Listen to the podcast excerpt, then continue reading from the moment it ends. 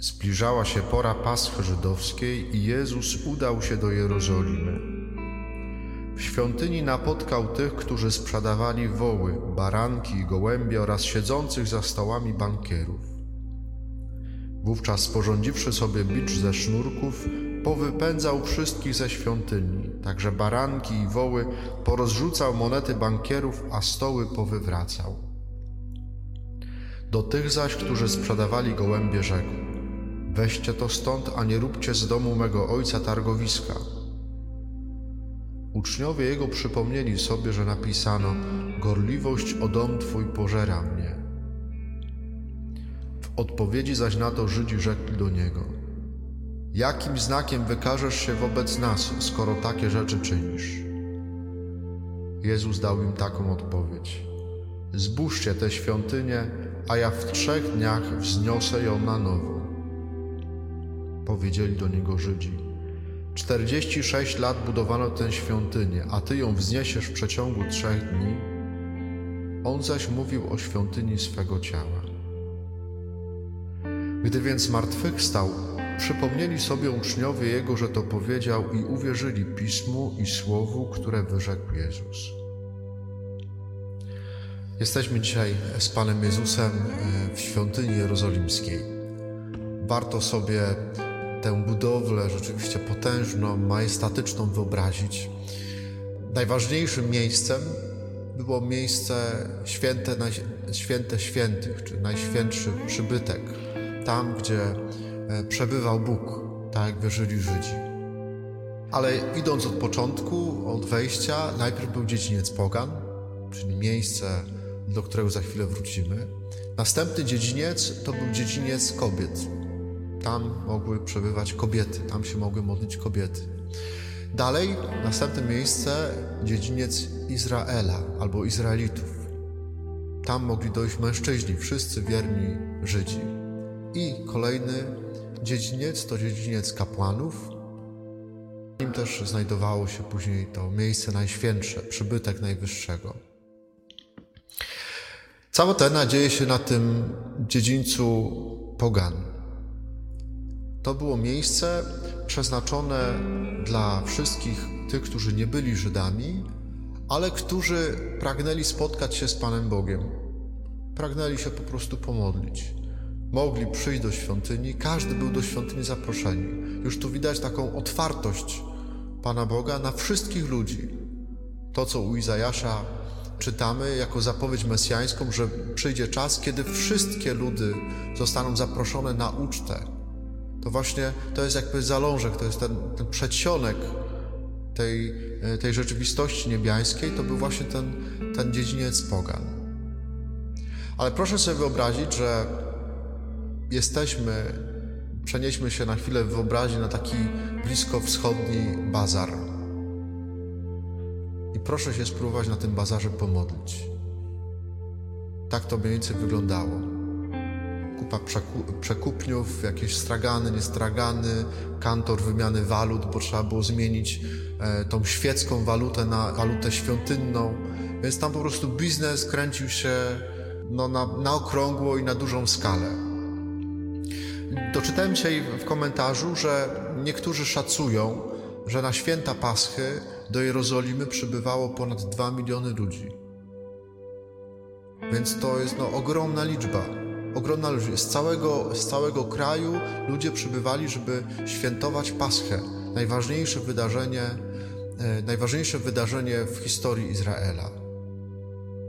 I Pan Jezus przybywa także na Paschę jako pobożny Żyd, wchodzi na dziedziniec pogan to wszystko rozwala. Dlatego, że Żydzi tymi swoimi straganami blokowali dostęp tym poganom, ludziom zwykłym, którzy nie byli Żydami, a którzy mogliby przyjść.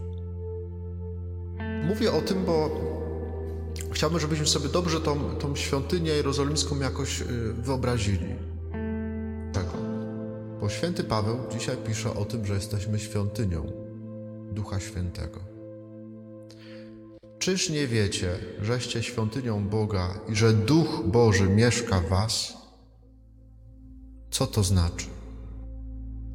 To znaczy, że każdy z nas jest miejscem, w którym inni ludzie mogą się spotkać z Panem Bogiem.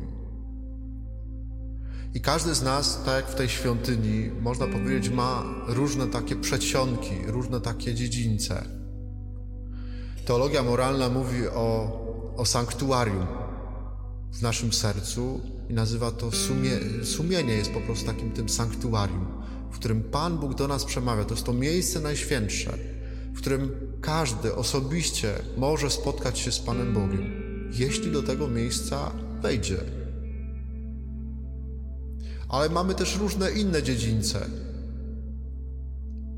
Nie chcę jakby tutaj rozwijać tego obrazu, ale chcę zwrócić tylko właśnie na, ten, na to sanktuarium, że każdy z nas to, to miejsce w swoim sercu ma i każdy ma też, jakby idąc na, w drugą skrajność, każdy ma też taki dziedziniec pogan. Taką rzeczywistość, która jest e, na pół pogańska, tak byśmy powiedzieli. Byśmy, byśmy nazwali to, że jest świecka. Każdy z nas. Przecież żyjemy, funkcjonujemy, spotykamy się z innymi ludźmi. Tak na, na targu się spotykamy z naszymi znajomymi, e, rozmawiamy. To to jest właśnie taki dziedziniec pogan, nasze życie codzienne. Jeśli tak jest, że jesteśmy świątynią, jeżeli mamy te różne przestrzenie w naszym sercu, to znaczy, że Pan Bóg chce poprzez nas spotkać się nie tylko z nami, ale poprzez nas chce spotkać się z innymi ludźmi. Jeżeli jakaś inna osoba przychodzi do mnie i spotyka się z wielkim bałaganem na tym, na tym, na tym moim dziedzińcu pogan, na tym moim targowisku, to nie przejdzie dalej. Jak się spotka z moim nieuporządkowaniem, z moim egoizmem, z, moim, z moją głupotą, to nie ma szans, żeby przeszła dalej. Zablokuje.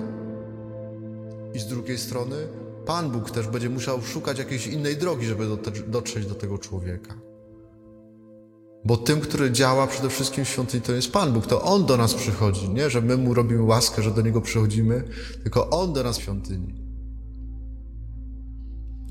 I może być tak, że dla mnie osobiście ta dzisiejsza Ewangelia, te dwa czytania zestawione, to jest taka zachęta do pracy nad sobą. Do tego, żeby po pierwsze przyjrzeć się, jak ten mój dziedziniec pogan wygląda, ten mój mały bazarek życia codziennego.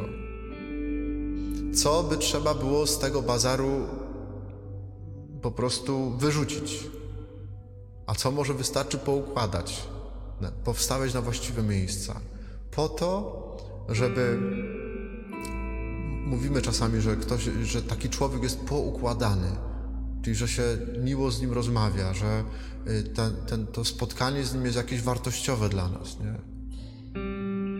O to, chyba o to chodzi, że pewne rzeczy trzeba po prostu powyrzucać i to czasami bardzo gwałtownie, jakieś grzechy, jakieś słabości, na tyle, na ile potrafimy rzeczywiście z Bożą pomocą to powyrzucać, albo wpuścić Pana Jezusa, po prostu niech On zrobi taki porządek, nie? Ale wtedy nam tak powywraca życie, że, że, że się będzie trudno pozbierać, może tak być. Ale możemy też to sami zrobić, z Jego pomocą, jakby pytając Go, co, Panie Jezu, co, gdzie trzeba uporządkować, co trzeba wyrzucić, gdzie te rzeczy poukładać. Po to, żebym ja był rzeczywiście świątynią dla innych, żeby ktoś, kto się spotka ze mną w najbardziej prozaicznych sytuacjach, chciał też pójść dalej, w głąb, na spotkanie z Tobą. I żeby Pan Bóg mógł też przeze mnie wyjść do drugiego człowieka. Zachęcam do tego, żeby dzisiaj sobie e, właśnie pochodzić z tym obrazem tej świątyni e, i tego bazaru, na który wpada Pan Jezus i porządkuje, nie? i po prostu wywala to wszystko. E, może u mnie w życiu też potrzeba takiego troszeczkę takiego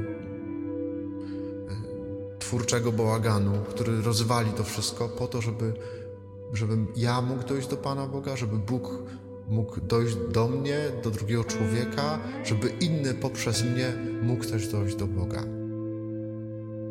Słowo, jedno słowo na dziś, które proponuję, to słowo bazar.